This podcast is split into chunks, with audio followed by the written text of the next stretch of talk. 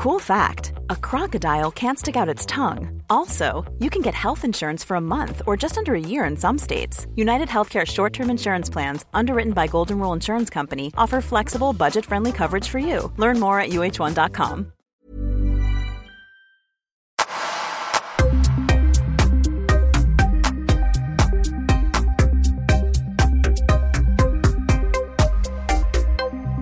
Alex, välkommen till Öppet sinne. Thank you. Du, eh, du och jag, vi sprang ju på varandra på, på gymmet. Exakt. Det var där vi lärde känna varandra. Exakt så. Det var- två, två år sedan. Ja, Två och ett halvt till och med. ja. Mycket pull-ups, hänga i stänger, göra Ja, intressanta grejer. Front livers, back livers. Exakt. Exakt. Det har hänt mycket sedan dess. Oh ja. Det har det gjort. Man eh, utvecklar ju som person. Jag har pluggat, jobbat, Ja. Tränade inte i ett tag, vilket är lite disappointing, men nu är jag tillbaka. Nu är jag Ja. tillbaka på 100% liksom. Skönt. Yes Skönt. sir. Så nu är du tillbaka till frontlever igen. Yes, det, det, det behövs ju. Det behövs ju. Jag tränar ju, jag tränar ju just för front liver och back liver. Just Ja. de två vill jag liksom kunna göra, men du ser ju liksom gått upp lite i vikt. Så det behöver jag fixa först och sen förhoppningsvis kommer jag tillbaka till calisthenics. Och du har längd också, vilket gör det svårare. Oh ja. Längre hävarmar, mer Oh ja. tyngd och, och Oh allt ja. det där. Precis.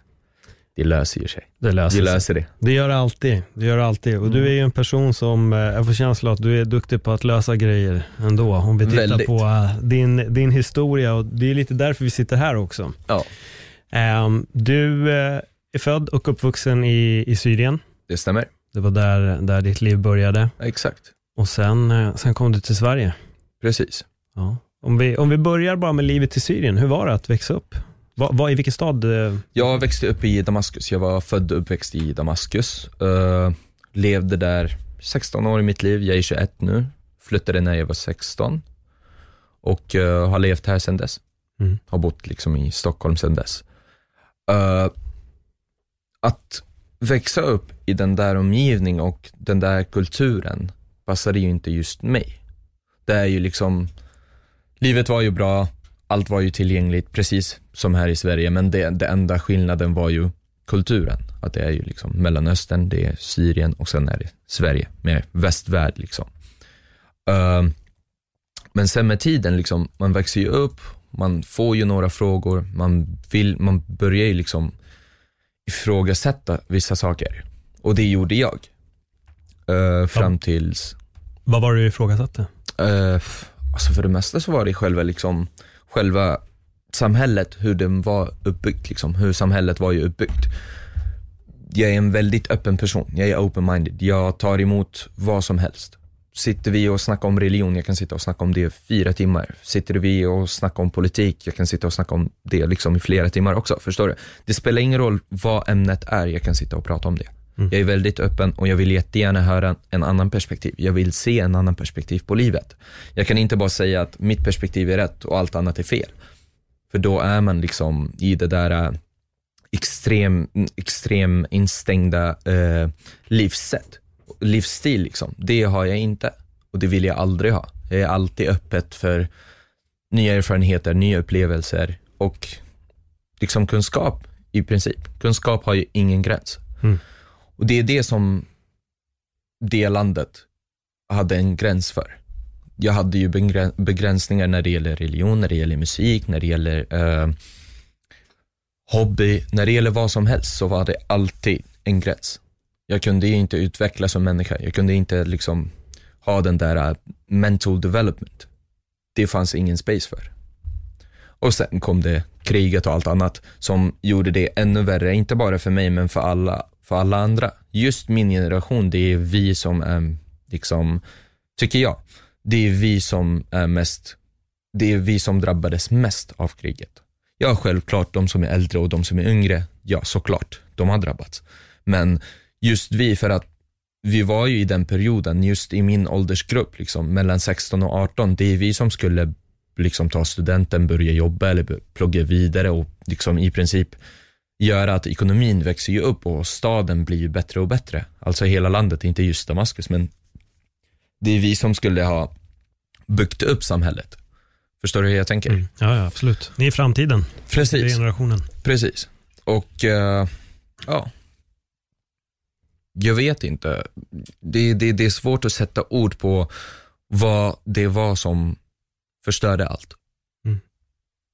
Som du sa lite innan så fanns det många, många förklaringar och många teorier och kanske till och med konspirationsteorier om allting som, som hände. Precis. Men om vi bara håller det till, till din upplevelse, att hur var det för dig att vara där, att växas upp och helt plötsligt börjar allting liksom tippa åt helt fel håll? Precis, alltså att säga det var en gradvis ändring, nej det var inte det. Det var liksom en dag där du kunde liksom vakna mitt på natten, gå ut och ta en promenad utan problem, utan att ens tänka, är jag trygg, är jag säker? Till helt plötsligt, du kan inte gå ut efter tio, för ditt liv är liksom i fara. När som kan du bli kidnappad, bli mördad, någon skott bara liksom ramlar rakt på ditt huvud. Man vet ju aldrig. Mm. Förstår du vad jag menar? Det var ju den där skift, det var ingenting som liksom det var en, en vanlig shift, eller liksom ganska lagom och det var gradvis. Nej, det var en stor ändring, helt plötsligt. Det bara hände. Så liksom, för en 12-årig att se allt det här hända, 11-12-årig, för mig livet var ju bara liksom plugg, alltså skola, träning om jag hade tid för det och spela med vänner eller spela dataspel. Där var mitt liv som en Mm. 11-åring. Men sen blev det det här helt plötsligt, okej nu kan jag inte gå ut och leka med mina vänner eller liksom gå ut och göra någonting. Eller gå ut med min familj och käka på någon restaurang. Det kan vi inte göra längre. Varför? Det är ganska dålig stämning inne in i stan. Så går du in dit så går du liksom på egen risk. Så då var det det där att, okej, jag sitter hemma, vad har jag tillgång till? Datorn, tvn och böcker. Vad ska jag göra annars? Då började jag liksom läsa böcker, försöka utveckla inom mig själv och inte bara liksom inom ett visst område. Nej, men jag försökte att liksom hitta vem jag är som människa. Ja, jag var ung liksom, men ändå, jag, jag, hade ju, jag har ju alltid haft den där, som sagt, jag ifrågasätter saker. Varför hände det här? Varför hände det där? Och eh, då var det den där utveckling inom mig själv och då började jag fatta det som hände runt omkring mig. Det som hände med krig, varför det började, varför folk började döda varandra, var, varför snackar vi och dödar varandra på religionsnamn? Mm. För det var det som gjorde att det blev värre och värre. Först så var det bara att, ja, vi vill ha våran frihet liksom. För vi har ingen frihet, enligt dem. Sen helt plötsligt så blev det, nu vill jag döda dig på, guden, på Guds namn liksom. Förstår du hur jag tänker? Förstår du hur jag menar? Jag, hör Det det en- jag, jag kan ju inte direkt sätta mig in i det, Ja, jag har inte ja, jag upplevt det, Precis. men, men jag hör och Ja. jag, alltså det, det, jag känner rätt många gånger själv att jag är uppväxt i en väldigt skyddad verkstad. Och när jag hör din historia så kan jag inse ännu mer hur skyddad verkstad jag egentligen lever i. Precis. Alltså, Här, här, här i Sverige ibland kan vi få ett problem över någonting som någon har sagt och då blir det en storm lite på Instagram och sociala medier och folk har en åsikt. Där helt plötsligt så blir folk kidnappade istället. Du riskerar att dö, du vet inte om din familj kommer komma hem till middagen. Precis så. Alltså det, är- det är just det som är min poäng, det du nämnde precis, att här har man en åsikt, här, man kan, här kan man säga liksom det man tycker. Mm. Där har du ingen rätt att ha en åsikt. Vad, hände, vad hände med folk som hade en åsikt? Du blir antingen fängslad eller så försvinner du. Vart du försvinner, ingen vet. Du försvinner. Det är just det. Det är just det att du, det är en risk att du säger jag tycker så här. Just det är en stor risk. Det är fortfarande en risk. Inte bara då det började, liksom då kriget började, eller under kriget. Det är fortfarande så. Det har varit så sedan ungefär 80-talet, om vi ska snacka lite historia. Det har varit så sedan 80-talet. Men nu liksom, 2009, 2010, folk har tröttnat på att hålla käften. Det är det som gjorde att allt, allt liksom byggdes upp. Det var som en uplifting state. Det byggdes upp, upp och upp och upp gradvis och till slut så det var liksom som en volcano bara poppar, bara exploderar. Och det är det som gjorde att staten agerade på ett visst sätt. För det var ju det där liksom, alla trodde att vi levde i liksom demokrati och vi hade rättigheter och så. Tills folk började snacka och säga, jag har den åsikten. Och tills all ehm, corruption, liksom all korruption blev ju obvious. Då började folk, vet du vad? Jag tycker så här och jag bryr mig inte om konsekvenserna. Och där började allt. Mm. Och det var 2011, 14 mars. Varför kommer jag ihåg det datumet? För det är min födelsedag. Oj då. Så det var en väldigt dålig födelsedag, det kommer jag ihåg. Jag satt hemma och jag bara, okej, vad ska jag göra nu? Hur känns det när du fyller år? Nu idag. Hur kändes det den 14 mars 2020?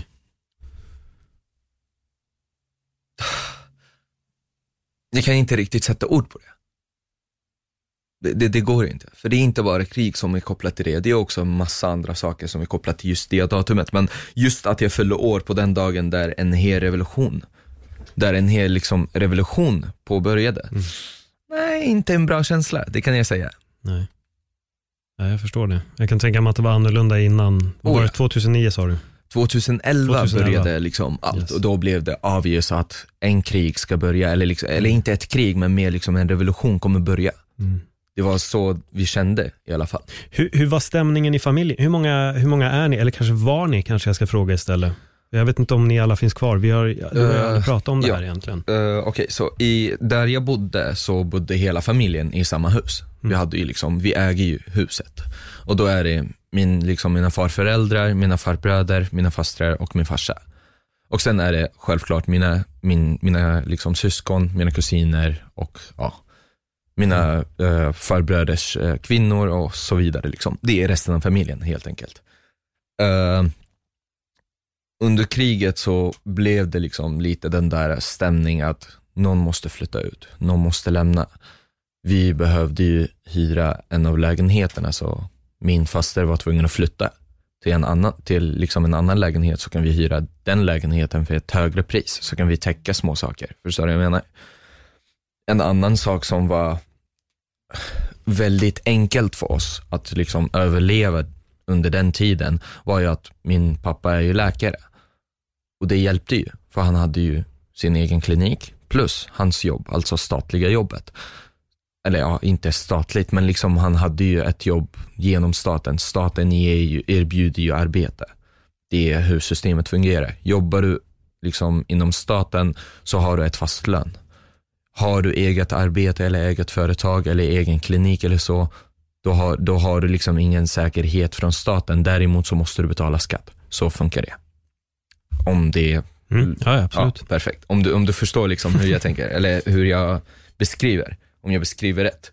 Men eh, det där skiftet just med, nu har vi en inkomst till, nu kan vi knappt överleva.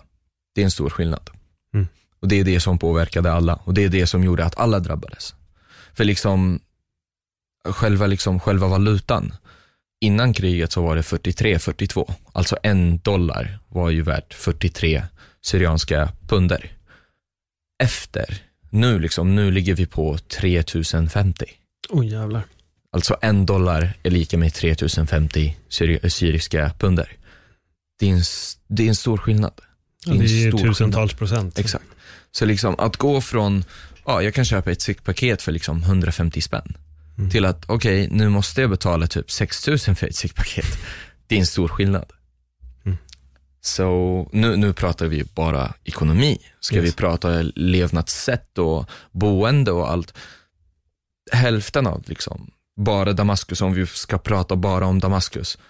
De enda områden som inte är utsatta, du kan tänka dig det är ungefär 5 till 15, 15 kilometer som är inte skadade, som är fortfarande liksom hel hus, hela byggnad, som är, ingenting är skadat på. Liksom. Resten runt omkring staden, allt är, allt är förstört. Om man går in på YouTube och kollar, liksom, det är många som har gjort dokumentärer, det är många som har kommit, liksom, det är många som har åkt till Syrien nu under 2020 och har filmat hur, hur livet är just nu. Det är liksom, även jag som upplevde hälften av kriget just nu när jag, när jag tittar på de dokumentärer och så, jag blir liksom, jag blir sårad. Är verkligen den där staden där jag växte upp, är det den staden? Är det den där vägen där jag brukar, är det den gatan jag brukade liksom leka med mina vänner? Det, det, ja, it's sad. Det är, väl, det är väldigt sorgligt, men vad ska man göra? Man måste ju gå vidare på något sätt. Och det är liksom, det är också en annan sak. Vi är ju människor som överlever. Alla, alla från Syrien, liksom. du kan fråga vem som helst. Vi är människor som adapterar, vi justerar vårt liv så kan vi anpassa oss till det vi lever i. Oavsett vart vi är, oavsett vilka omständigheter vi har. Vi överlever. Det är det vi gör.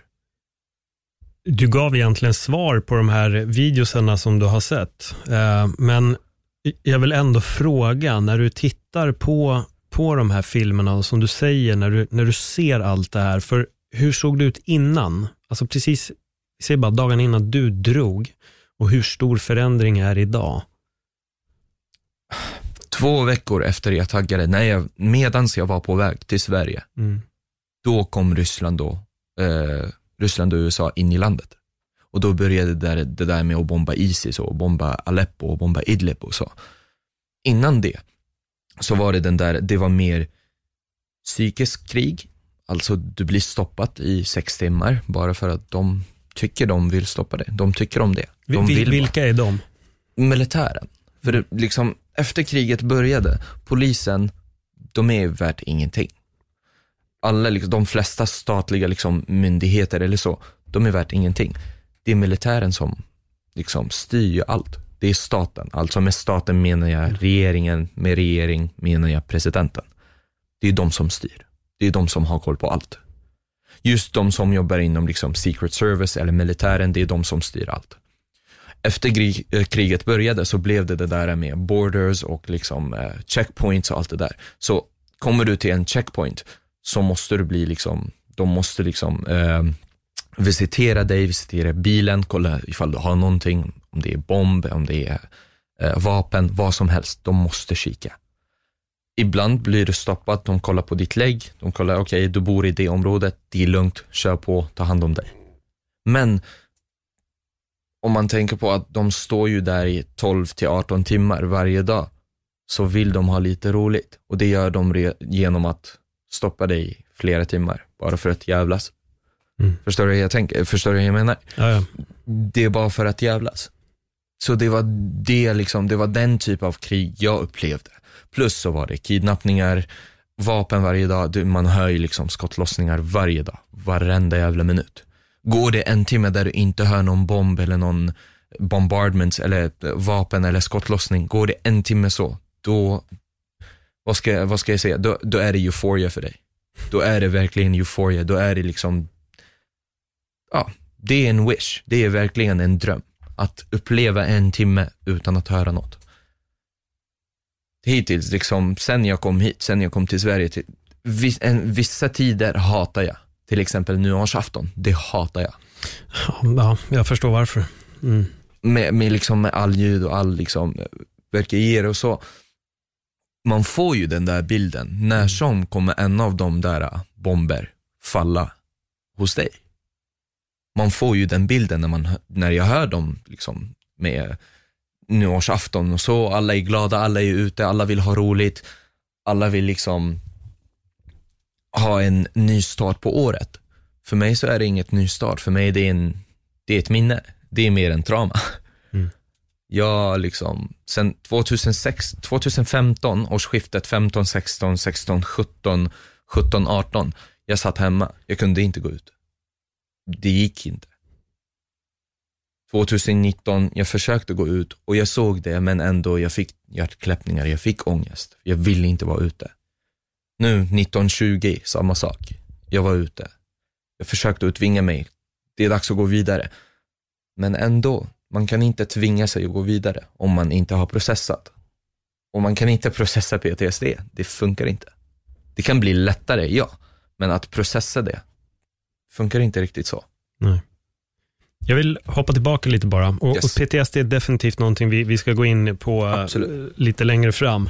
Ehm, men det, det är två instanser här som jag, som jag tänker på. Jag vill Yes. börja med checkpoints. Yes. Jag har själv suttit och tittat en hel del om ehm, Palestina. Det är Yes. fullsmockat med checkpoints. Mhm. Jag har sett hur det här går till och jag har sett precis det du menar med den här jävelskapen. Att ibland Mm. håller man bara någon. Så den första direkta frågan är, har du själv blivit stoppad Oh i ja. flera timmar? Oh ja. Och, och vad hände? Oh ja, alltså. Jag kan säga så här, som, det, det, jag växte upp i en del av staden där det var, man var inte så utsatt liksom jämfört med andra, det är många som har förlorat människor. Jag förlorade människor, men inte på samma nivå som andra. Jag förlorade inte mitt hem. Ja, vi fick ju skador, liksom, fönster och så. Men det blev inte att jag blev hemlös. Förstår du vad jag menar? Så det är många andra som har upplevt värre saker och, värre, och fått värre erfarenheter och upplevelser. Så är det alltid, men din upplevelse är fortfarande Men- din Ja, upplevelse. precis. Det är det, ja, precis. Men jag, jag vill bara liksom, jag vill inte göra det lättare, men samtidigt så vill jag inte beskriva min upplevelse som, som det värsta som hände. Nej, nej. Slut. Men en fördel som jag hade var ju att på mitt lägg stod ju där jag bor. Det är på varje lägg liksom, Mm. hos oss, så står det vilken adress du har. Och min adress är ju ett område som tillhör ju staten. Det är, en statligt, det är ett statligt område. Alltså det är folk som jobbar inom regering, folk som jobbar inom eh, militären som bor i det området. Vi är civilare. Vi är ingen militärmänniskor eller militärtjänstemän. Vi är bara vanliga människor, vi är civilare. Min farsa, mina farbröder, hela familjen jobbar inom, liksom, alla är ju läkare. Så det gjorde att de hade råd att köpa det huset. Alltså min farfar, för han var läkare också. Han köpte ju det huset, eh, det huset i det området och de levde hela sitt liv där. Hittills. Mm. Så det, det är en fördel. För mig, det var en fördel. Det är fortfarande en fördel för jag har ju fortfarande mitt lägg. Förstår du vad jag menar? Så liksom, åker jag tillbaka nu, då blir jag stoppad. Och då frågar de, ah, du bor i det, liksom, i det området, okej, då är det lugnt. Men ändå så står det vart jag kommer ifrån. Jag kommer ifrån Damaskus. Jag är ju från mitten av Damaskus, liksom mitten av staden. Och där kommer vi till en annan diskussion, vilket är religion. Man vet ju man vet att det är, liksom, det är olika eh, paths kan man säga på islam. Så har du liksom muslimer som är sunna, shia, alwites, durzi och så vidare.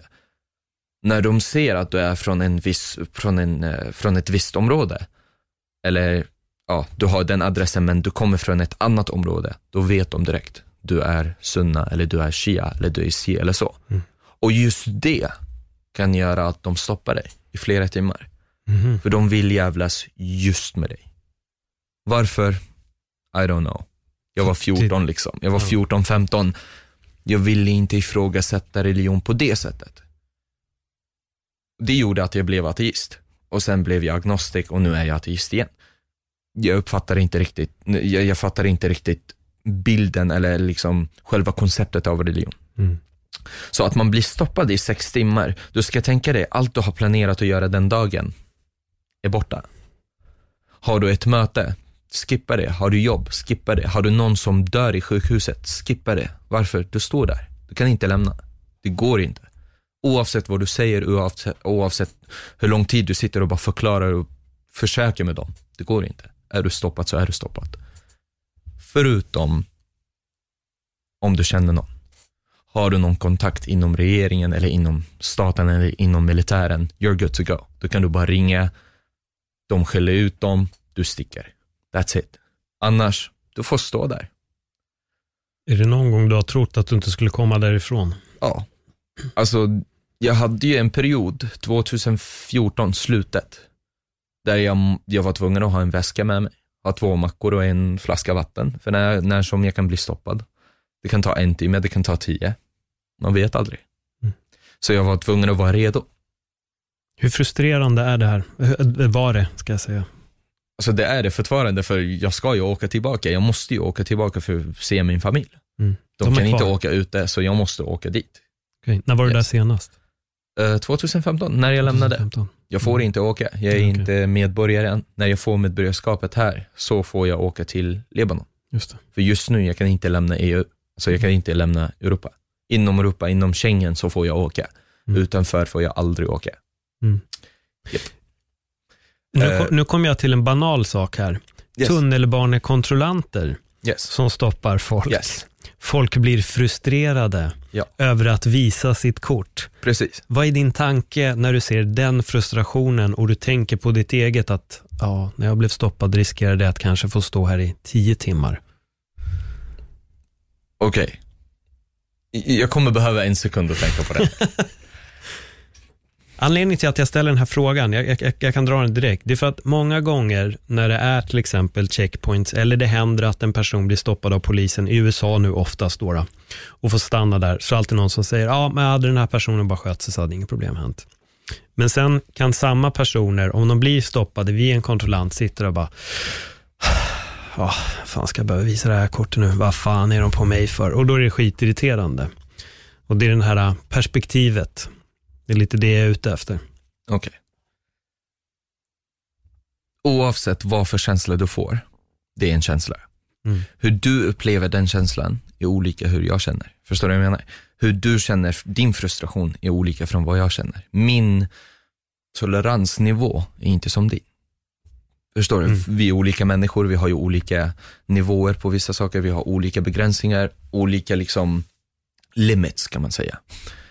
Så att bli frustrerad på att en kontrollant kommer till dig, då har ju annat att tänka på.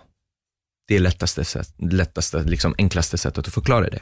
Däremot att du står där och du blir stoppad i sex timmar, det enda du tänker på, kommer jag överleva den här dagen?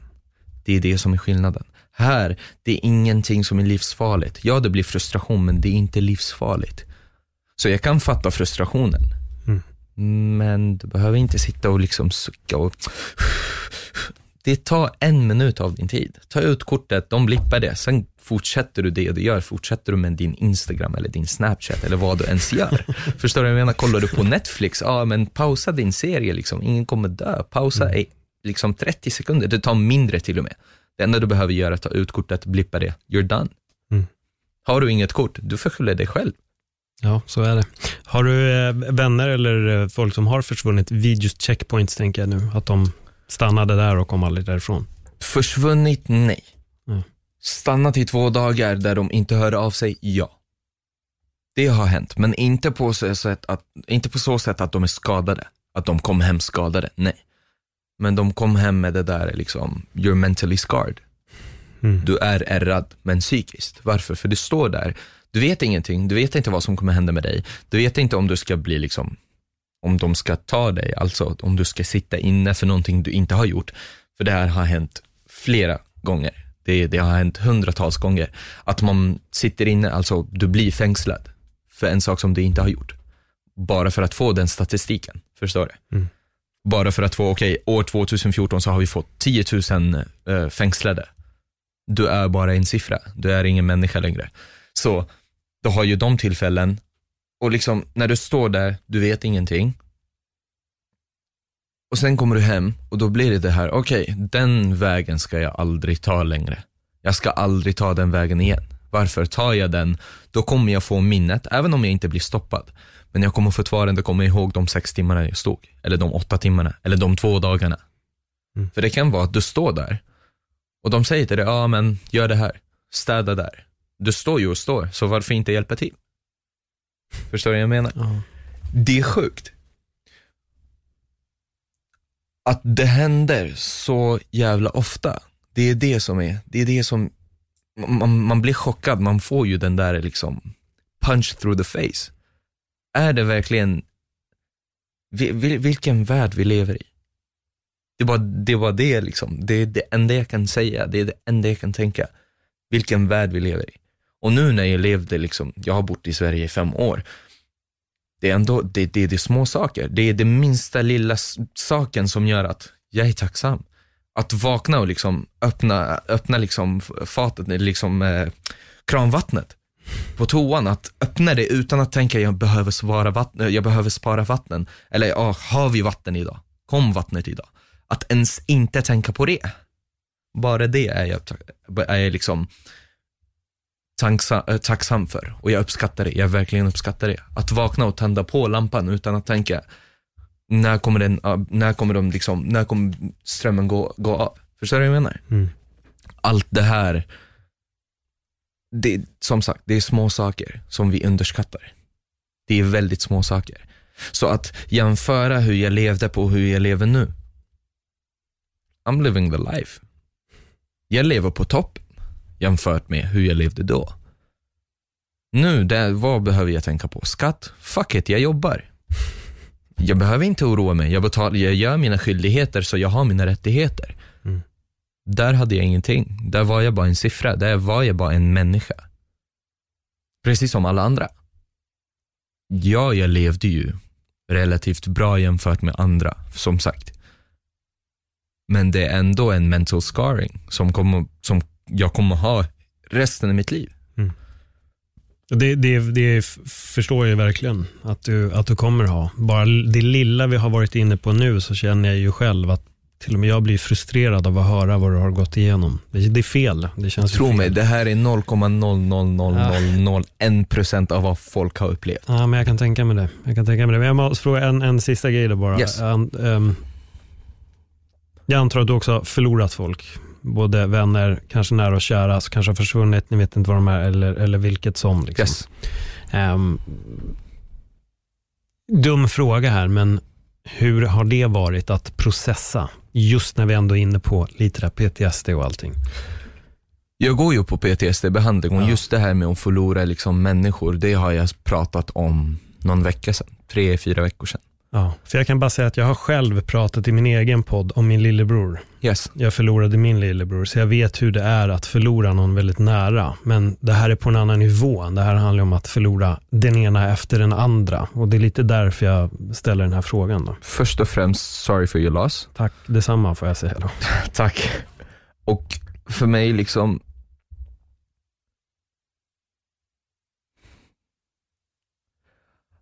att någon dör på grund av krig är en sak. Att någon blir kidnappad och mördad är en annan sak. Och att någon dör för ingen anledning framför dina ögon är en helt annan sak. Jag upplevde alla tre. Inte direkt familj, men det är människor jag växte upp med. Det är människor jag kallade mina bröder och mina systrar. Familj har jag inte förlorat någon. Skönt. Skönt, ja. Men det är ändå liksom, skulle jag förlora någon, det skulle påverka mig, obviously. Men inte på samma sätt som de andra påverkade mig. För som sagt,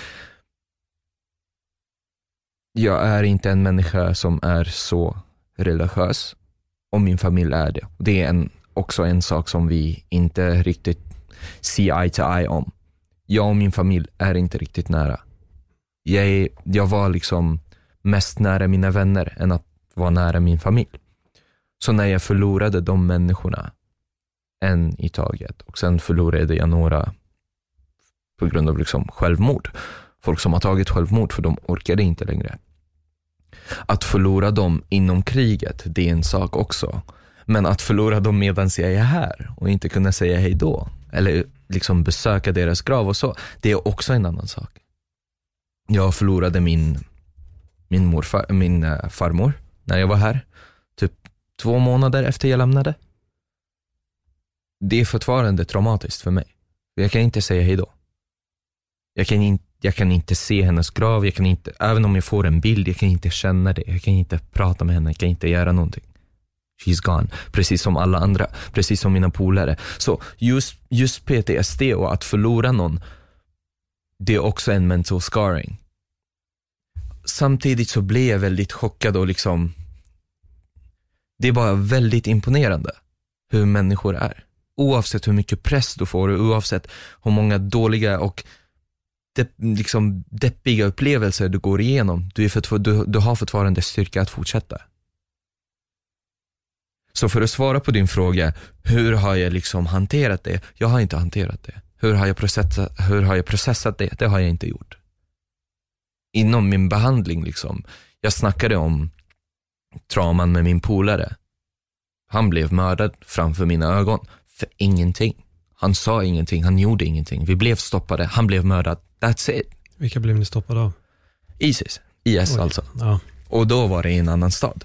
Det här var Mm. 2015, under sommaren. Vi hade roligt, vi ville åka, vi ville göra någonting. Vi tröttnade på att leva hemma. Där hamnade vi. Så Vad var det som gjorde att du klarade dig i den här instansen? det är det som, det är det som förstör mig tills idag, hittills. Liksom. ni Det, tillhör det samma förstör religion du och din vän antar Jag får ingen svar, jag, jag har inget svar på den frågan. Mm. Det är därför jag har ju gått på behandlingarna. Och jag processade det och jag pratade om det och jag skrev in det liksom. Jag spelade in det och jag skrev det på papper och ändå fortfarande, jag får ju den där lättnad, självklart. Han dog, det finns ingenting jag kan ändra. May he rest in peace liksom. Men det är fortfarande det jag grubblar över är, varför just han dog och inte jag? Vad var skillnaden? Vad var det han gjorde? Vad var det han hade på sitt ansikte, på sitt min liksom? Som gjorde att han, de tog han. De tog honom och inte tog mig. Det, ja. Man, man, man, if, man ifrågasätter livet. Där blir det liksom, varför lever jag? Där blir det den där existential crisis question liksom. Varför lever jag? Så som sagt, för att svara på din fråga, jag har inte processat det. Och jag, varje gång det kommer så försöker jag undvika att gå face to face med de känslorna. För att gå igenom det, då kommer jag kräva två, tre dagar i 100% isolation. Annars, jag kommer inte kunna processa det. Jag kommer inte kunna gå ut och vara social medan jag tänker på de Mm. sakerna. Jag, kan, jag kommer inte kunna jobba, plugga, göra vad som. Förstår du vad jag menar? Det kommer inte funka helt enkelt. Nej, du lyfte det också innan vi gjorde podden att du är ledig imorgon och att Exakt. det behövdes. Precis. Annars hade det inte riktigt... eh, Precis, annars så hade jag inte riktigt liksom pratat om allt det här. Nej. Jag skulle ha sagt, ja, sorry men jag kommer inte kunna prata, eller jag kommer inte kunna fördjupa mig så mycket. Mm. Men ja, Jag är jättetacksam att du öppnar dig om det här. of course. För, Tack, tack, tack för din tid. ja, nej, det är tvärtom. Det är Yes. tvärtom. Nej, men för att eh, jag, jag vet att det, det finns de som är Life is full of awesome what ifs, and some not so much, like unexpected medical costs. That's why United Healthcare provides Health Protector Guard fixed indemnity insurance plans to supplement your primary plan and help manage out of pocket costs. Learn more at uh1.com. Many of us have those stubborn pounds that seem impossible to lose, no matter how good we eat or how hard we work out. My solution is PlushCare.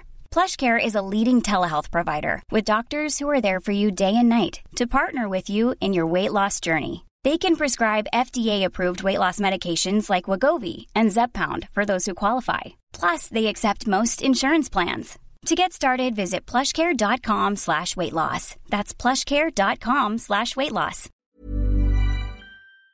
Fullt medvetna om allting som har skett där borta och sen finns det de som inte riktigt eh, fattar allvaret och det är därför jag tycker det är viktigt att få höra det här. Det här är ju ett vittnesmål, nu får vi höra din, din historia, för det cirkulerar ju med konstiga teorier här, när folk började komma till Sverige. Ja.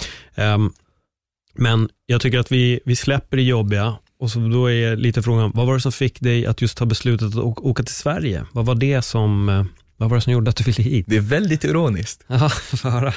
Jag lyssnar på metall och jag spelar musik. Det vet jag. Jag tänkte på det när du nämnde det här med att du fick inte göra allting som du ville Precis. och jag vet att du lyssnar mycket på, på metal. Precis. Jag antar att du Så- inte fick höra det där borta. Jo, Men i hemlighet kanske. ja, Ja. exakt. Har du hörlurar, på och blir stoppad, du ska fan ändra spellista så snabbt du kan. Ja. För hör de det minsta lilla, du är satanist. Du kommer bli stoppad, arresterad, till och med fängslad. Förstår du vad jag menar? Mm. Det har varit flera tillfällen där folk har blivit stoppade, liksom mina vänner, mina polare, där de har blivit liksom slagna, där de har blivit liksom ho- hotade, där de, liksom, de som stoppade dem har tagit deras adress och besökt dem, frågat efter pengar. Det är sjuka grejer, bara för att du tycker om musik. Mm. En viss subgenre av musik. Förstår du vad jag menar? Så liksom, det är en anledning till varför jag kom hit. En annan anledning, jag har alltid velat lämna. Jag har alltid velat flytta. Jag har alltid velat leva den livsstilen jag har nu. Så för att säga det, inte för att liksom butter the bread with butter, men liksom, det där är ett namn på ett band by the way. inte för att smöra eller något liksom, men jag är väldigt tacksam att jag är här. Jag, är väl, jag uppskattar allt som staten har gjort sen dag ett. Jag uppskattar all hjälp jag fick av socialen, av migrationsverket, av folket. För det är inte bara staten som har hjälpt mig. Det är också massa människor som har hjälpt mig. Och har liksom pushat mig till den vägen jag har tagit och till den pathen jag går på just nu. Att plugga, att jobba, att grinda, att inte stoppa, att fortsätta och drömma, liksom att fortsätta och ha mål. Ha mindre mål för att nå stora målet. Allt det här, det är många människor som har hjälpt mig under den vägen. Det är därför jag är väldigt tacksam att jag är här. Till och med du har hjälpt mig med träningen. Förstår du vad jag menar? Du har pushat mig, du har hjälpt mig med vissa saker. Ja, men testa att träna så, eller testa att göra så för att justera liksom ryggraden, Mm. äh, axelbladen eller liksom att kunna nå det där front liver. Förstår du vad jag menar? Ja. Det är de här små saker, många skiter i dem. Med människor som dig och människor som har kommit hit och människor som har sett skillnaden, levt båda och, och valt att stanna här och valt att okej, vet du vad, jag ska göra någonting med mitt liv för att ge tillbaka. Människor som oss är människor som kommer uppskatta och komma ihåg allt, varenda lilla sak. Varenda lilla små favor som alla människor har gjort. Förstår du vad jag menar? Så ja, att komma hit, det är fan en dream. Det är ju en dream come true. För vi, det var ju en dröm och dröm blev ju mål och mål blev Sverige. livsstil. Exakt, nu, nu, det är tillvaro. Det är min tillvaro, jag är här. Tills idag så får jag den där dissociation moment. Jag sitter på tåget eller på bussen, så får jag den där, är jag verkligen här? Mm. Lever jag verkligen den här livsstilen? Är jag verkligen i säkerhet och i trygghet? Det är också en annan sak. Förstår du vad jag menar? Kan jag verkligen sätta på hörlurar och ha de piercingar jag har och tatueringar utan att ens tänka att jag kommer bli stoppad? Som sagt, it's the, it's, it's the, small, it's the small things. Det är de vi ska uppskatta. Mm. Jag reagerade redan lite på det när du pratade om när du var ung. Och att du undrade över saker som var där, att du hade frågor. Yes. Och att du kanske inte tyckte och tänkte som det var. Jag kan på ett sätt känna igen mig i det där. Ja. Att vara en, jag känner att både du och jag, vi tänkare. Vi gillar Ja. att tänka utanför boxen och, och se varför är det på ett visst sätt. Vi Precis. tror inte bara på att det är så för att det är så, utan vi undrar varför är det det? kanske inte riktigt Finns det ingen förklaring, det finns ingen anledning för mig att tro på det. Mm. Har du en bevis eller en förklaring som är rimlig, som låter rimlig, som är logisk, I'm with you all the way. Säger du till mig det är så för att det är så? Nej, inte riktigt så. Nej. Eller säger du till mig det är så för att Gud sa så? Där går vi till en annan, där går vi till en annan grej liksom, förstår du vad jag menar? Så it doesn't work like that chief. Nej. Det är så jag tänker, det är så jag är. Jag har alltid varit det och jag kommer alltid vara det. Känslan att landa i Sverige. Där har vi liksom, för mig det där kändes som euphoria. Jag vet inte riktigt vad euphoria känns, men för mig det där var euphoria. Att äntligen framme efter 27 dagar, jag är här. Hur, lång, hur, för hur gick den processen till? Flög du eller hur, hur var det ni gjorde? nej. Nej, nej, jag nej. gick samma väg som alla tog. Vilken väg var det? Turkiet till Grekland, vatten, alltså genom havet Mm. med båt, eh, gummibåt. Och sen Grekland till Sverige, land. Alltså båt, eh, vad heter det, bilar, bussar, taxi, tåg, allt möjligt. Men inga flyg. Det enda flyget jag tog var ju från Damaskus till Libanon, Libanon, Turkiet. Det var transit liksom, så det var i princip ett flyg. Hur var det att ta sig igenom allt det här? För det här var ju en tid då det verkligen, folk var emot. Folk ville inte, i, i vissa instanser så ville ju inte folk ta emot. Jag vet att Grekland stoppade ganska hårt. Det hände kanske inte direkt, men det var ju några länder som verkligen satte press bak och ville stoppa. Jag var en väldigt lycklig människa. Hela vägen, från dag ett tills idag faktiskt. Mm. Så är jag fortfarande lycklig. Det är små saker, som sagt. Till exempel när jag var i Tyskland, när jag var på väg till Tyskland från Österrike. Jag och mina vänner, för jag lämnade landet med fyra av mina vänner, eller ja, en, min, en vän och sen hans två bröder, och hans två bröder och en polare till dem. Mm. De blev stoppade i Tyskland. Jag blev inte stoppad. Polisen legit gick förbi mig, kollade och gick igenom, gick liksom fortsatt gå. Han frågade inte om lägg, han frågade inte om visa, han, flög, han frågade inte om pass, ingenting.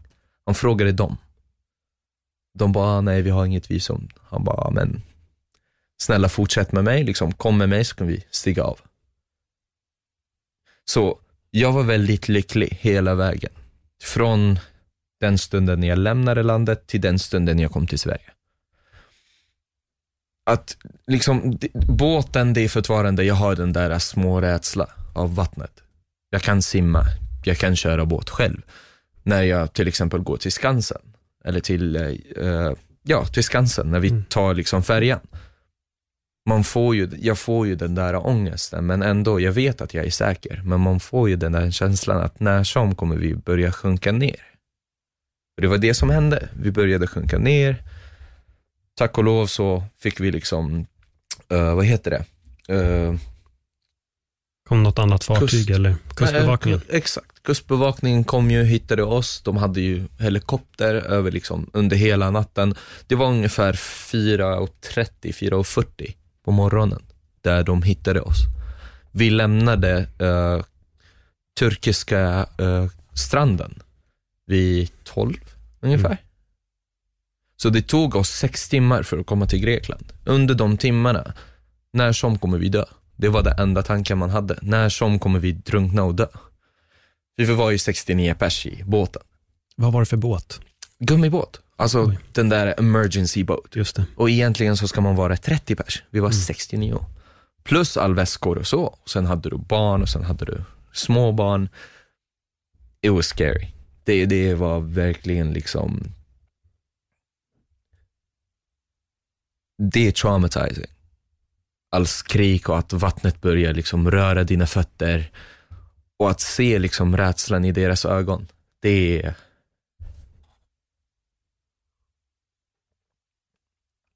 Det är annorlunda. Mm. Det är annorlunda. Liksom, när folk blir rädda när de kollar på skräckfilm och så. Ta den rädslan gånger 10 miljoner. Det är den rädslan jag såg på deras ögon. För då är man livsrädd. Man, man är ju livrädd liksom. Är du livrädd så är du livrädd. Det är en annan nivå av adrenalin och rädsla som pumpar i din blod. Sorry, jag är väldigt bra att liksom Ja. gå ur spåret, liksom. tappa du, spåret lite. du, men du är på helt rätt linje. Men eh, när, här, när båten började sjunka, jag antar att alla inte klarade sig. jo, jo, jo. Alla gjorde Alltså, det? ja, ja, vi överlevde. Alla överlevde. Uff, ja. Tack och lov, liksom, alla levde. Mm. Det var inte att vi sjönk och liksom började simma, nej. Men vattnet började gå på båten för vi hade ju ett hål på båten. Mm. Och det var då kust, eh, kustbevakningen kom och hittade oss. Eh, han som körde båten, han var en av oss. Han var ingen liksom turk eller eh, grek som kunde köra båt. Han var en person, de, satt, de satte honom på båten och de bara, kan du köra? Han bara nej. De bara, ah, du gör så här, du justerar höger, vänster, that's it. Det är det enda du behöver göra. Så han hoppade in i vattnet och tänkte simma till Grekland. Mm. Ja, det är, det är helt sjukt alltså. Att ens tänka på allt som hände. Det är fortfarande den där, äh, som sagt, jag får ju den där dissociationspunkten där jag ifrågasätter allt. Ifrågasätter mitt liv. Är jag verkligen här? Är jag, lever jag verkligen den här, det här livet? Så ja. Men överlag så är jag väldigt, väldigt, väldigt lycklig. Mm. Jag gick igenom hela processen, liksom 27 dagar för att komma hit på ett väldigt enkelt sätt jämfört med andra. Ja, självklart, vi gick ju igenom vissa svårigheter, bråk, tjafs, att de stängde ner, liksom, de stängde eh, gränser och så. Men ändå, det är inte som att vi bara gav upp och satt oss. Nej, vi fortfarande försökte att hitta någon lösning. Okej, ha tålamod, kanske vänta, kanske be dem, kanske bara vara tyst istället för att skrika. Allt det här, alla lösningar kom ju på plats. Vi var tvungna att göra det. Adapt. Det är det som vi var tvungna att göra och det är det, är det vi blev perfectionist på. Att adaptera. Vad ens slänger oss, vi hittar ett sätt att anpassa oss. Vad hände med dina tre vänner som blev stoppade i, i Tyskland? Alltså där, den, där var ju deras destination. Okej, det var den. Det var Exakt. dit de ville. De ville ju till Frankfurt men de blev stoppade i Passau. Mm. Så de var lite, ja, tough luck. De var lite liksom disappointed. Men för mig så var det den där liksom rädsla. Holy shit, kommer jag bli stoppad? För mitt mål, som sagt, sen jag lämnade så var mitt mål Sverige. Att bli stoppad i Tyskland, det var, för mig så var det liksom it was a life choice. It was, it was like a, a life changing experience. Antingen så bor jag i Tyskland eller så bor jag i Sverige. Jag tänker ibland, liksom, vissa dagar så får jag den tanken. Hur skulle mitt liv se ut ifall jag stannade, ifall jag blev stoppade? Och där tänker jag på mina vänner, hur de lever där. Vad de har gjort. De har inte gjort jack shit. Mm. Alltså verkligen, de har inte gjort någonting. Antingen så lever de på jobcenter, eller så lever de på liksom skattepengar, bidrag och så. Jag vill inte leva det livet. Jag vill jobba. Jag kom hit för att jag vill göra någonting med mitt liv. Och det är det jag gör. Jag pluggar, jag jobbar, jag kommer fortsätta plugga, jag kommer fortsätta jobba. Tills den dagen jag kan inte ens andas. Kommer aldrig liksom, ja oh, jag ska bli pensionär nu. Nej. Ja, jag kanske pensionerar från arbetet vid 40. Men då kommer jag äga eget. Då kommer jag driva eget företag. Och då kommer jag fortsätta med det med det stora målet. Liksom. Mm. Så ja. Hur var det att fortsätta den här vandringen själv till Sverige? För jag antar att du blev ensam på vägen. Oh ja, det, det var jobbigt. Det var svårt. Däremot så var jag lycklig igen. Uh, jag stannade i Tyskland i åtta dagar på besök hos en polare till mig som jag inte har sett i två år. Jag hade inte sett honom, han taggade, sen taggade jag efter. Jag stannade hos honom i några dagar. Sen drog jag från södra Tyskland till norra till en liten stad som heter Flensburg. Det är precis vid gränsen med Danmark. Där stannade jag hos en annan polare. För du ska tänka dig liksom, två, tre miljoner från Syrien bor i Tyskland. Så vart jag ens går i Tyskland, vart jag ens reser, vart jag ens åker, så finns det alltid någon jag känner. Uh, så jag stannade hos min andra polare i två dagar och eh, för att boka liksom tågbiljett eller något utan att bli stoppad, det var jävligt svårt. Då, då var det de där massa checkpoints, police checkpoints. Eh, har du inga bevis på liksom vem du är eller har du inget visum eller pass så blir du stoppad, de sätter dig på, de liksom tar dig till en buss och bussen går ju till fängelset. Du blir fängslad i tre dagar, sen skickar de tillbaka dig till Flensburg jag ville inte gå igenom den processen så jag var tvungen att boka förstahandsklass, alltså eh, första, första klass eh, tågbiljett. Och då tog jag buss från Flensburg till en liten stad som heter Fredrika i Danmark. Och från Fredrika tog jag tåg till Köpenhamn, Köpenhamn, Malmö. Innan jag tog bussen så träffade jag på en familj. Och då var det fem tjejer och en morsa. De var eh, palestiner från Syrien. Vi åkte tillsammans, för de behövde sällskap, alltså manligt sällskap. Och jag behövde liksom en grupp där jag kände mig, okej okay, nu kan jag lugna ner mig. Jag är inte helt själv, jag är inte ensam. Och by the way, bara så det inte ta illa upp, liksom, jag menade inte det på ett sexistiskt sätt, manligt. Ah, nej, liksom, nej, nej, jag fattar. I den kulturen, ja. kvinnor ska inte åka själva. Och de behövde den där äh, stöden. Jag var barn men ändå. Så vi åkte tillsammans hela vägen till Malmö. De träffade på deras uh, familjemedlemmar för de hade familj där. Jag träffade på en kille, uh, vad, vad hette han? Han hette Jihad. Han, han var från Syrien. Han hjälpte mig så sjukt mycket. Han köpte mat till oss. Han köpte sig till mig, fast det var under 18, men ändå. Och han gav mig 200 spänn. Han sa till mig, så fort du kommer till Stockholm, bara säg till någon att du är från Syrien. Det är det enda du behöver göra. För jag visste inte vad jag skulle göra och vem jag skulle prata med. Han var en volontär som hjälpte alla, alla liksom, uh, ny, uh, ny ankom, no, nyankomsta, exakt. Nyanlända, exakt. Uh, vi väntade två timmar, sen bokade vi tåg till Stockholm. Vi åkte till Stockholm, de ville fortsätta till Västerås. De gjorde det. Jag ringde farsan och sa till honom att jag var framme. Och sen gick jag in och sa att ja, jag är 16, jag är från Syrien, jag kom nyss. Så enkelt var det. Vad hände då? Oh. Då blev jag skickad till, en, till ett boende, asylboende i Vällingby. Bodde där i en månad. Sista veckan där var jag ganska nere. Jag var så nere att jag försökte att ta mitt liv. Mm. Men sen blev jag Sen blev jag skriven in på, en, på ett annat boende. Jag blev inskriven i ett boende i Tyresö. Då flyttade jag till Tyresö, bodde där i åtta månader, sju månader. Och sen flyttade jag och bod, bodde själv sen dess. SOS-lägenhet självklart då. Mm. Och nu bor jag själv. Alltså utan SOS, utan någonting. Jag betalar skatt precis som dig, precis som alla andra. Jag gör, mina, jag gör det jag måste göra så kan jag få mina rättigheter. Jag har inga skyldigheter. Förstår du vad jag menar? Ja. Så ja. Yeah. Jag vill bara fråga om, om resan, hela, hela flyktprocessen Yes. om vi säger så. Jag antar att det var en ganska bill, eh, dyr, Ganska dyr. ganska Ja. dyr grej, inte billigt, tvärtom. Min pappa var tvungen att sälja sin bil. Mm. Eller ja, ska jag vara helt ärlig, jag kan inte riktigt säga. Nej. Men vi var tvungna att fixa pengar så snabbt som möjligt. Och det gjorde vi. Mm. Min pappa sålde inte sin bil, men vi var tvungna att fixa pengar. Hur?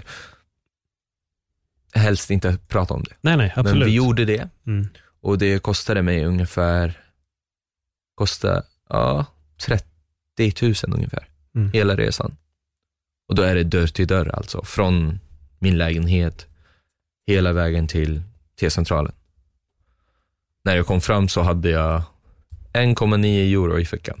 De har jag sparade. Bara för minnes skull. Mm. För jag vill kunna liksom om 20-30 år, jag vill kunna kolla på de pengarna och säga ja, jag kom med dem. Nu har jag allt jag har. Nu har jag ett liv helt enkelt. För man ska också tänka sig, när man kommer hit, det är inte som att man kommer hit med ett liv och med allt liksom och okej nu ska jag fortsätta leva. Nej, du kommer hit, du börjar från noll. Du vet inte vad språket, du, du, du kan inte språket, du kan inte kulturen, du kan inte samhället, du kan inte jobba, du kan inte göra någonting. Det är, det är ett helt annat livnadssätt som du måste anpassa dig till. Så när man kommer hit, man börjar ju livet från noll. Verkligen från noll. Du bygger upp dig själv från ingenting. För när du kommer hit, du är ingenting. Du är bara en filnummer. Det är då när man får LMA-kortet, den där legitimationen från Migrationsverket. Du är bara en siffra. Tills du får ditt uppehållstillstånd. Och då blir du en människa. Då får du personnummer. Då får du jobba och registrera dig och göra vad som. Innan det, du är bara en fil. Du bara står på liksom, ja, borrow time. Du bara väntar. Jag fick vänta i ett år tills jag fick mitt putt. Alltså permanent uppehållstillstånd på grund av att jag är från Syrien. Jag har inget land att åka till. Ska jag åka tillbaka till kriget? Jag blev ju, jag blev ju hotad och höll på att bli kidnappad. Det är därför jag kom hit. Åker jag dit, då är jag liksom livhotad. Liksom, mitt liv är hotat där. Skulle jag åka så måste jag åka till Libanon för att kunna se min familj. Däremot så har jag ingenting liksom med regeringen att göra. Jag har aldrig gjort någonting, jag har ingenting på mitt register och jag kommer aldrig ha det. Så det är därför jag måste åka tillbaka för att fixa mitt pass, för att fixa mina papper i hemlandet.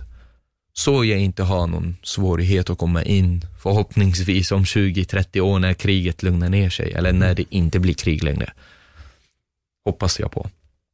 Men ja, hur känns det idag när du pratar med familj som är där eller vänner och att de är kvar? Vad, vad väcker det för känslor hos dig? jag ska inte ljuga och säga jag hör av mig så ofta. Det gör jag inte.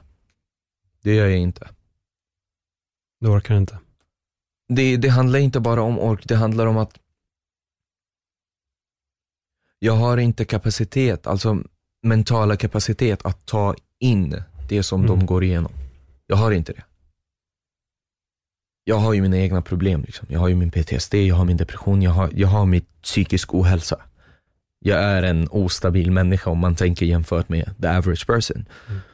Så jag har ju mina problem att hantera. Jag har ju mitt plugg att hantera, jag har ju mitt jobb, jag har ju för mycket på mig. Jag är ju här själv. Vi ska komma ihåg det. Vi ska komma ihåg att går jag igenom ett problem så måste jag lösa det själv. Jag kan vända mig till staten, men det vill jag inte, som sagt. Jag vill vara så independent som möjligt. Jag vill inte liksom vara beroende på staten eller på vänner eller på, nej. Jag valde att komma hit. Jag valde att bygga ett liv själv. Jag måste ta konsekvenserna själv. Jag måste hantera dem själv. Så att ringa dem och höra, ah, men hur är det idag? Ah, vi var tvungna att göra det här och det här och det här för att hämta 200 gram ris. 200 gram ris kostar typ, vad? Fem spänn? Mm. Sex spänn? Det kostar dem ungefär 8 dollar. Så typ 80 spänn. Förstår du vad jag menar? Att höra det där kan förstöra allt. För mig och för dem. För för dem då blir de, ja ah, men shit, vi förstörde din dag. Och för mig så blir det, what the fuck, jag sitter här, jag lever livet och de sitter där, vad fan kan jag göra? Jag kan inte ens skicka pengar. Jag verkligen kan inte skicka pengar. Skickar jag pengar på Western Union eller något, så blir det att jag måste betala först, alltså fee, transfer fee, och sen måste de betala en transfer fee, vilket är 20 procent. Så skickar du liksom 2000 kronor. Vi ska komma ihåg att liksom, vi ska ta hänsyn att jag är förtvarande student, så jag har inte den råden att skicka stora summor. Skickar jag 2000, då måste jag betala, jag måste betala 400 spänn, eh, transfer fee, sen måste de betala 600 spänn. Så jag måste betala 1000 kronor för att skicka 1000. Mm. Så det enda jag kan göra är bara sitta och grubbla över det. Bara grubbla i tankandet. Det är det enda jag kan göra. Så det är därför jag försöker att ha så lite kontakt med dem som möjligt. Självklart, de får ringa när de vill. Men att jag hör av mig, jag har väldigt svårt med det. Jag kan faktiskt förstå det. Att det är, att det är tufft att ta sig tillbaka till dit. Jag, jag tänkte, hur är det här idag? Är det, har du, jag antar att du har mycket vänner som har gått igenom exakt samma sak som dig också, här i Sverige. Inte riktigt. Nej. Inte riktigt, för här är också en annan sak. Jag håller mig så, så bort ifrån människor som mig. Mm. Alltså invandrare eller folk som har kommit hit från landet eller liksom ensamkommande barn och så. Jag försöker att hålla mig bort från dem. Varför? Om jag ska säga det utan någon filter, jag kommer aldrig utveckla om jag hänger med dem. Jag kommer aldrig komma in i samhället och vara en del av samhället, av det här samhället, om jag fortfarande hänger och spenderar min tid i samma tankar, i, liksom, i samma livsstilen eller i samma kultur eller med samma befolkning. Det kommer inte funka. Det kommer inte funka, det blir bara liksom samma livsstil, bara en annan geographic state. Det är bara det. Det är, en, det är ett annat land men det är samma befolkning, det är samma kultur, det är samma tankesättet. Jag vill inte leva så. Jag vill inte leva i den mentaliteten. Plus, så liksom, jag är väldigt annorlunda. Du ser ju på mig, jag har piercings, jag har skägg, jag är skallig, jag har tatueringar. Jag är väldigt biffig. Förstår du vad jag menar? Jämfört med dem. Jag är väldigt annorlunda. Jag är the weird guy. Så det går inte att hänga med dem. Det går inte ens att snacka med dem. För jag är annorlunda. Mm. Jag är mer westernized än dem. De är liksom det mesta de kan göra är, ja ah, vi ska ut och festa. Det är, that's as westernized as they get. För mig, jag lever ju precis som alla andra lever här. Alltså när vi snackar livssätt, eh, livsstil och eh, kläder och fashion och musik, jobb, allt. Jag lever precis som alla andra här. Inte som min kultur. Det är det som är också en annan sak som man måste ta hänsyn till. Många kommer hit och lever fortfarande på samma rytm. De kommer hit, de lär sig språket och jobbar och så, men fortfarande lever i det där att ja, vi är fortfarande från Syrien. Ja, du är därifrån och jag respekterar det. Jag respekterar mitt land och jag älskar mitt land. Men bara för att jag gör det, det betyder inte att jag ska fortsätta leva på samma sätt här. Kommer jag hit så måste jag uppskatta och förstå. Jag behöver inte, accept, jag behöver inte liksom hålla med eller försöka liksom anpassa mig, men jag måste respektera och acceptera att det här är ett helt annat system, ett helt annat samhälle. Därför kan jag inte umgås med dem. Så jag kan inte riktigt, för att svara på din fråga om vi går tillbaka lite, hur jag, hur jag liksom jämför med deras eh, erfarenhet och så. Varje människa har ju sin upplevelse och det sa jag på början liksom när vi började snacka. Bara för att jag berättar det här, det betyder inte att jag har gått igenom det värsta som finns. Det finns folk som har förlorat hela sin familj, förlorat en arm, eller båda armarna till och med, kommit hit och kan inte göra någonting med sitt liv. Förstår du vad jag menar? Det är, det är många som har det mycket värre än mig. Och det är många som har det bättre än mig. Bara för att jag har en viss upplevelse, det betyder inte att jag kan jämföra det med andra. Ja, vi kan kolla från olika perspektiv. Vi kan säga, ja, du upplevde det här, jag upplevde det här. Som diskussion. Men jämförelsen, nej. Det, det, det, det går inte. Så kortfattad, jag spenderar ingen tid med dem. Nej. Helt enkelt. Mina vänner, liksom, 80% av mina vänner är svenskar. Den andra 20 är liksom folk som har utländsk bakgrund. Men du jobbar med din eh, PTSD idag för Yes. fullt. Du går på terapi. Hur Just nu är det pausat faktiskt. Nu är det pausat. Ja, på grund av det där med min polare. Ja. För efter det, jag kan säga så här, I'm a whole different person. Att Mm. kunna processa någonting jag nekte i fem år. Det är svårt. Mm. Det är svårt. Och det, det, det kommer ta lite tid. Därför nu liksom fram till, fram till slutet på januari, jag kommer inte gå på någon behandling. Jag kommer gå på terapi, ja. Men ingen PTSD-behandling, just det är pausat. Mm. Jag kommer inte riktigt orka, alltså psykiskt, jag kommer inte orka. Det, det, det kommer vara en stor belastning plus med jobb och plugg och deadlines och UF-företag och så. Det är ganska mycket press. Så nej. Det är därför det är pausat. Mm. Men vad var din fråga? Bara- Sorry, jag avbröt. Nej, nej, det är ingen fara. Du, du gav ett bra svar där på, på hur allting står till. Nej, men jag tänkte mer hur det känns med att jobba med allting och att känner du att du är på en bättringsväg, att du börjar processa saker sakta men säkert, kanske finna lite hjälp, även om jag förstår att det här är en lång resa och den kanske aldrig blir helt klar. Men man kanske någonstans kan förmildra omständigheterna om du förstår vad jag menar. Oh ja, oh ja alltså det, det är det med PTSD.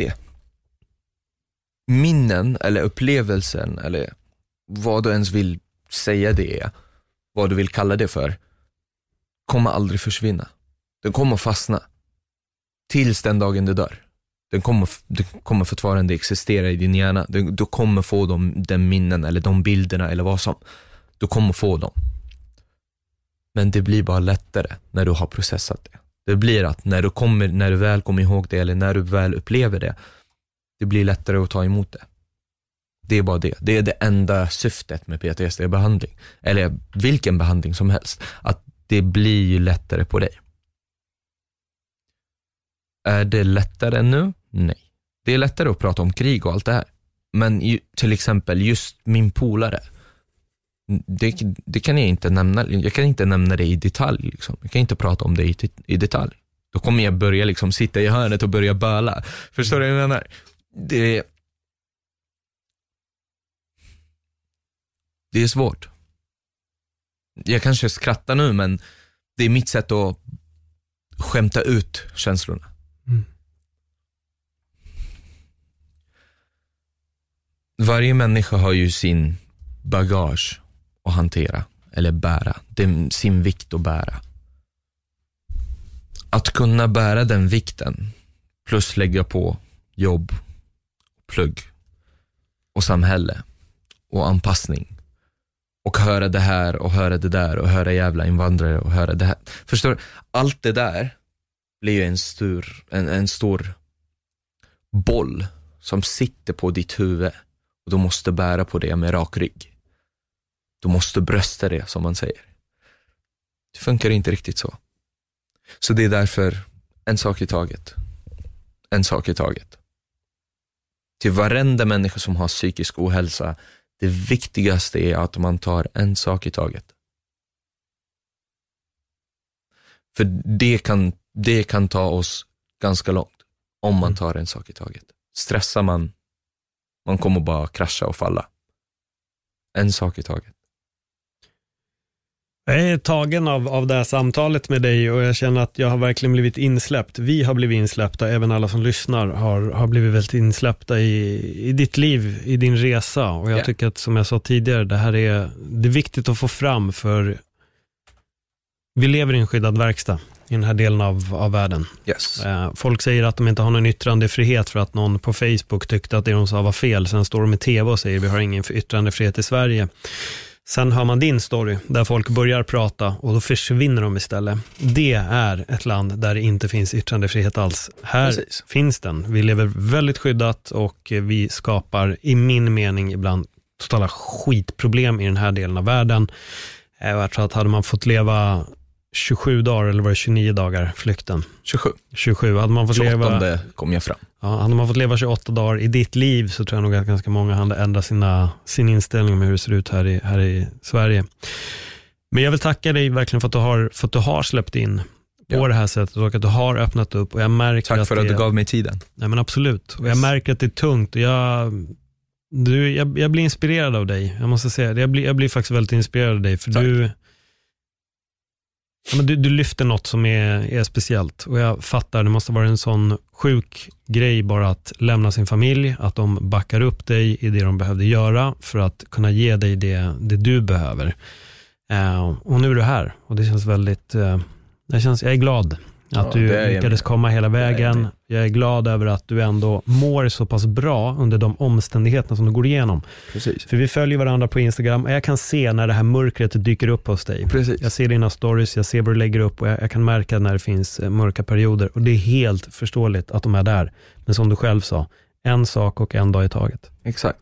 Många av oss har ju liksom våran battles. Vi, vi måste ju kriga varje dag för att kunna överleva.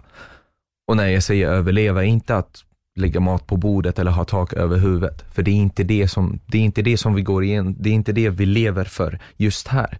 Kanske där, för där måste du kämpa för varenda, liksom, för varenda lilla bit av mat du får. Här behöver du inte det, för här har du dina rättigheter. Här får du hjälpen du behöver. Behöver du stöd, så har du det. För, har du förlorat ditt jobb på grund av corona, a-kassa, socialtjänsten, bostadsbidrag.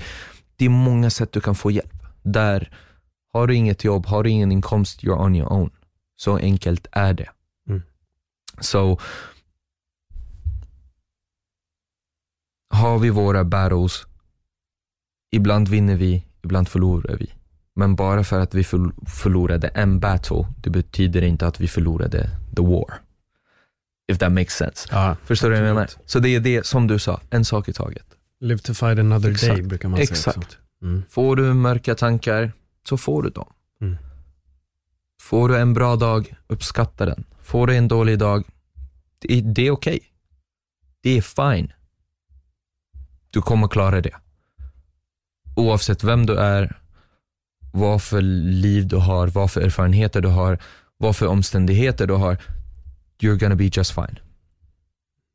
Det finns någon som lyssnar som det där går rakt in i hjärtat på. Så det är ett perfekt sätt att avrunda det här, det här samtalet på. Yes. Återigen Alex, supertack för att du kom hit Thank och you. öppnade upp dig Thank för återigen, det här är Absolut. verkligen viktigt för, för folk att få höra. Och jag Absolut. önskar dig all lycka i framtiden Thank och jag, ska, jag kommer följa din resa till the Absolut. day we die. Och det är när vi bara är så gamla och sitter på Absolut. verandan och minns allting. Yes, definitivt. Super. Och till er som har lyssnat, om ni gillade det ni hörde, delade det och kom ihåg, ni är inte ensamma där ute. Och ta en dag i taget så kommer ni att leva för att fightas vidare en annan dag. Tack för den här gången. Hej då.